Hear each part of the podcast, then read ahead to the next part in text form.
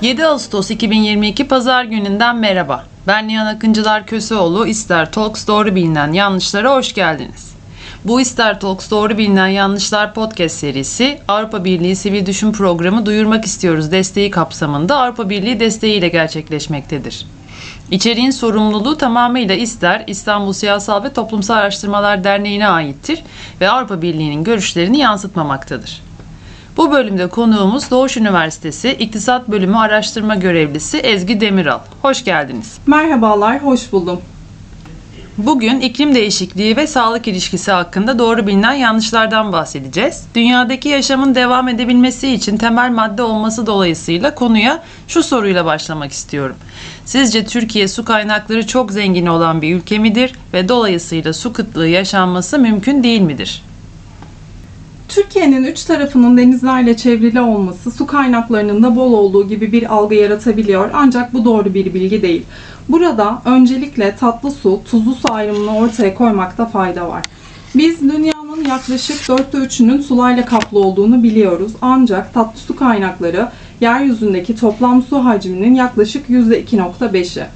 Ve bu oranın da yaklaşık %68'i buz, kar olarak ya da çok derin jeolojik tabakalarda bulunduğu için ulaşılabilir değil. Bizim ulaşabildiğimiz tatlı su kaynakları ise dünyanın toplam su varlığının %1'inden daha az. Bununla birlikte Türkiye ile ilgili ulusal ya da uluslararası birçok çalışmanın ortaya koyduğu durum Türkiye'nin gelecek yıllarda su stresi yaşayacak ülkelerden biri oldu. Yapılan çalışmalardan biri Uluslararası Su Yönetimi Enstitüsü'nün 2007 yılında yayınlamış olduğu bir rapor. Raporda Türkiye su kıtlığının yaklaştığı ve nehirlerin %60'ının çekildiği ülkeler arasında yer alıyor. Yine konuyla ilgili bir diğer raporda McKinsey'nin Ocak 2020 raporu. Bu rapora göre de Türkiye 2050'ye kadar Mısır, İran, Meksika ile birlikte iklim değişikliğine bağlı su stresi yaşayacak ülkelerden birisi. İklim değişikliğinin su kaynakları üzerinde etkisi aslında iki yönlü olarak ortaya çıkıyor.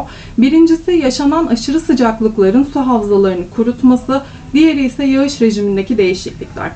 Yağış rejiminde yaşanan değişiklikler iklim değişikliğinin önemli sonuçlarından bir tanesi ve bu değişiklikler şöyle kendini gösteriyor. Zaman zaman bir yılda yağması beklenen yağmur bir günde yağıyor ya da yağış şiddetinde ve sıklığında öngörülemez değişimler yaşanıyor. Ve bu da sel, taşkın gibi doğal afetlere sebep olarak tatlı su kaynaklarının kirlenmesine neden oluyor. Peki bu ne anlama geliyor ve bunun insan sağlığı ile ilişkisi nedir diye bakacak olursak, sizin de başta söylediğiniz gibi su dünyadaki yaşamın devam edebilmesi için en temel maddelerden birisi. Ve su, insan hakları evrensel bildirgesi de dahil olmak üzere birçok uluslararası belgede insan hakkı olarak tanımlanmış. Dolayısıyla raporlarda ortaya koyulan su stresi durumunun yaşanması en temel insan faaliyetlerinin bile yürütülmesini zora sokacak bir durum. Yaşanacak bir su stresi hem temiz içme suyuna hem de güvenli gıdaya ulaşım üzerinden doğrudan insan sağlığı üzerinde etki yaratacaktır. Bunu biraz daha küresel olarak ele almakta fayda görüyorum. Çünkü Dünya Bankası'nın Kasım 2021'de yayınladığı küresel su güvenliği ile ilgili bir rapor var ve raporda su güvenliği ve su yoksunluğu ile ilgili paylaşılan veriler oldukça çarpıcı. Bu coğrafyada yaşayan insanlar olarak temiz su yoksunluğu bizim hayatımızdaki tecrübelerden biri değil. En azından bu zamana kadar olmadı. Ancak bugün 2 milyar insan yani kabaca her 10 insandan 3'ü temiz içme suyuna ulaşamıyor ve sanitasyon imkanlarından yoksun. Bununla birlikte eğer iklim değişikliği ile ilgili önlemler gerektiği şekilde ivedilikle uygulanmazsa 2030 yılına kadar dünya gerekli talebi karşılayacak suya sahip olamayacak. İklim değişikliğinin yaratmış olduğu su güvenliği sorunu yalnızca temiz içme suyuna ulaşamamanın insan sağlığı üzerine yaratmış olduğu etkiyle de sınırlı değil. Bu kıtlık hijyen konusundaki sıkıntıları da beraberinde getiriyor. Biz özellikle pandemi döneminde de yakından tanık olduk buna. İnsan sağlığını korumak ve gerekli hijyen koşullarını sağlamak için su en elzem ihtiyacımız. Su yokluğunun ve yetersiz sanitasyonun beraberinde getirmiş olduğu hijyen sorunları, aslında önlenebilir olan hastalıkların günümüzde hala devam etmesine ve can kayıpları yaşanmasına neden oluyor. Bununla ilgili şöyle bir veri paylaşabilirim. 2019 yılında ishale bağlı ölümlerin sayısı yaklaşık 829 bin ve 5 yaş altındaki çocukların ölüm nedenleri arasında ishal ikinci sırada yer alıyor. İshal aslında ellerin sabunla yıkanması, gıda ve kişisel temizliğin sağlanması gibi önlemlerle önüne geçilebilecek bir hastalıkken çocuk ölüm nedenleri arasında ilk sıralarda yer almakta. Buna dikkat çekmek için UNICEF 15 Ekim tarihini Dünya El Yıkama Günü olarak kabul etmiş ve evde su ve sabunla el yıkama olanağına sahip olmayan insanların en fazla az gelişmiş ülkelerde bulunduğunu ve bu ülkelerdeki her 10 kişiden 6'sının temel el hijyeni sağlayacak imkanlara erişemediğini belirtmiş. Çoğu az gelişmiş ülke zaten mevcut durumda temiz içme suyuna erişemez ve temel bir insan hakkından mahrumken iklim değişikliği durumu daha da trajik hale getiriyor ve en temel ihtiyaçlarımızdan biri olan suyun yoksunluğu sağlığımız üzerinde pek çok etki yaratıyor. Çok teşekkürler. Peki havaların biraz ısınmasının ne kadar kötü sonuçları olabilir? Havaların ısınması hastalıkları da azaltmaz mı? İklim değişikliğinin insan sağlığı üzerindeki etkilerinden bir tanesi de sıcak havanın insanlarda neden olduğu hastalıklar. Sıcakların yükselmesi ve yağış rejimindeki düzensizlikler bazı tehlikeli virüslerin yayılmasını hızlandırabiliyor. İklim hassasiyeti olan bu virüs, bakteri ve parazitlerin sayısında artış yaşanması ise bazı hastalıkların yayılımının hızlanmasına neden olabiliyor. Dünya Sağlık Örgütü'ne göre kuş gribi, kene, kolera, verem, sıtma gibi hastalıklar iklim değişikliğinden dolayı yabani hayvanlar tarafından yayılan hastalıklardan bazıları. Bunun yanı sıra yüksek sıcaklıklar, kalp krizi gibi hastalıkların da yaşanma sıklığını arttırıcı bir etkiye sahip.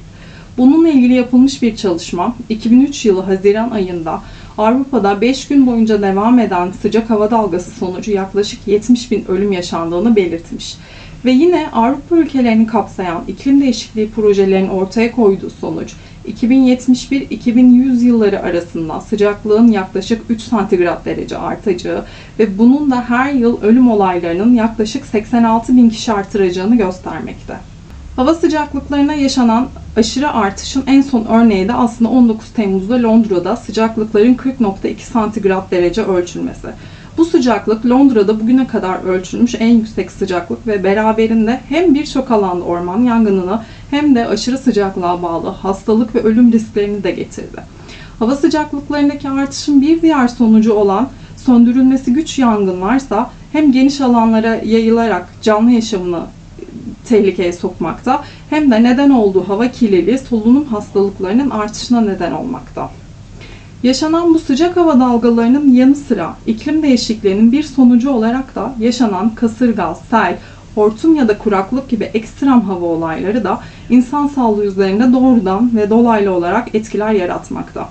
Örneğin 2005 yılında ABD'de görülen Deniz, Katrina, Rita ve Wilma kasırgaları sonucunda 2002 insan hayatını kaybetti. Ya da o kadar uzağa gitmeye gerek olmadan Türkiye'de yaşanan felaketlerin sonuçlarına da bakabiliriz. Yakın zamanda Ankara'da Haziran ayı sonunda yaşanan sel felaketinde bir insan hayatını kaybetti ve yine Bartın'da yaşanan sel felaketinde de 56 köpek telef oldu. Söz konusu bu ekstrem hava olayları ne yazık ki doğrudan ölümle sonuçlanabildiği gibi etkisinin belirlenmesinin aslında daha zor olduğu travma, stres, depresyon gibi psikolojik sonuçlar da doğurmakta.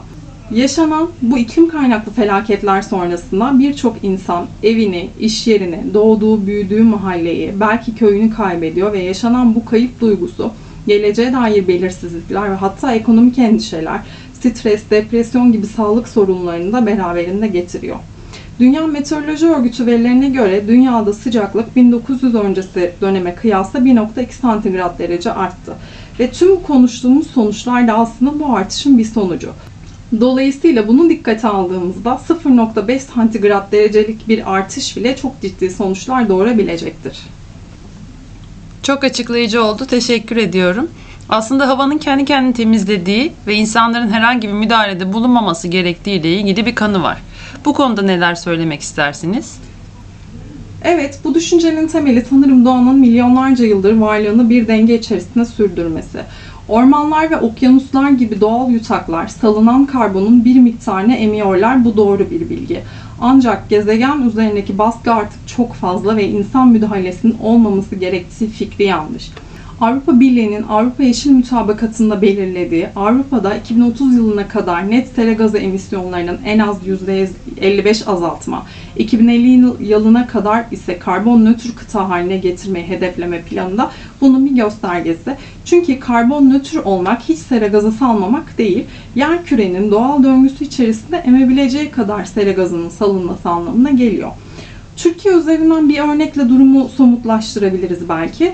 Türkiye senede 506 milyon ton sera gazı salıyor ve Türkiye'nin Paris Anlaşması çerçevesinde belirlediği 2053 yılında karbon nötr olma hedefini gerçekleştirebilmesi için bu miktar 80 milyon ton sera gazına düşürülmeli. Çünkü Türkiye'deki orman, göl gibi yutaklar senede 80 milyon ton sera gazı emebiliyorlar. 1750'lerden sonra başlayan sanayileşme 1950'lerde daha da hızlandı ve üretim sürecinde kullanılan fosil yakıtlar dolayısıyla sürekli artan sera gazı salınımı atmosfer üzerine çok ciddi baskı oluşturmaya başladı. Atmosferde bulunan temel sera gazları karbondioksit, kloroflorokarbonlar, metan, diazot monoksit ve ozon gazlarıdır. Bu gazların atmosferde bulunma oranlarının değişmesi ve kirletici gazların yoğunluğunun artması hava kirliliğine neden olmakta. Ve elbette soluduğumuz havanın kalitesinin sağlığımız üzerindeki etkisi hem fiziksel hem de psikolojik olarak ortaya çıkmakta. Artan hava kirliliği kalp, astım, kronik koah gibi hastalıkların sayısını arttırmakta. Yine Chicago Üniversitesi tarafından yapılmış olan bir çalışma, hava kalitesinin düşük olduğu bölgelerde yaşayan insanların depresyona daha yakın olduğunu ortaya koymuş. Bugün bizlere katıldığınız ve iklim değişikliği ve sağlık ilişkisi hakkında doğru bilinen yanlışlar konusunda bizleri aydınlattığınız için teşekkür ederiz. Çok keyifli ve bilgilendirici bir podcast yayını oldu. Dinleyicilerimize söylemek istediğiniz son bir şeyler varsa duymak isterim. Aslında yaşanan iklim değişikliği, yeraltı, yerüstü kaynaklarını, turizmi, sanayi, göç hareketlerini, ekonomik faaliyetleri ve bunun gibi birçok şeyi etkileyen en önemli olgulardan bir tanesi. Ve günümüzde iklim değişikliğinin ötesine iklim krizi olarak ifade edilmeye başlandı yaşadığımız bu durum. İklim değişikliği ekosistemdeki her canlıyı etkileyecek sonuçlar doğuruyor ve doğurmaya da devam edecek. Bununla birlikte biz bugün iklim değişikliğinin insanların psikolojik ve fiziksel sağlığı üzerindeki doğrudan ve dolaylı etkilerini konuşmaya çalıştık. Tekrar katıldığınız için teşekkür ediyorum. Dinleyicilerimize minik bir hatırlatma yapmak istiyorum ve açıklama kısmında yer alan anketimize katılmanızı rica ediyorum. Bir sonraki podcast'imiz 14 Ağustos 2022 tarihinde Can Köseoğlu ile yaratım süreçleri tasarım reklam konusu üzerine gerçekleşecektir. Hoşçakalın, doğrularla kalın.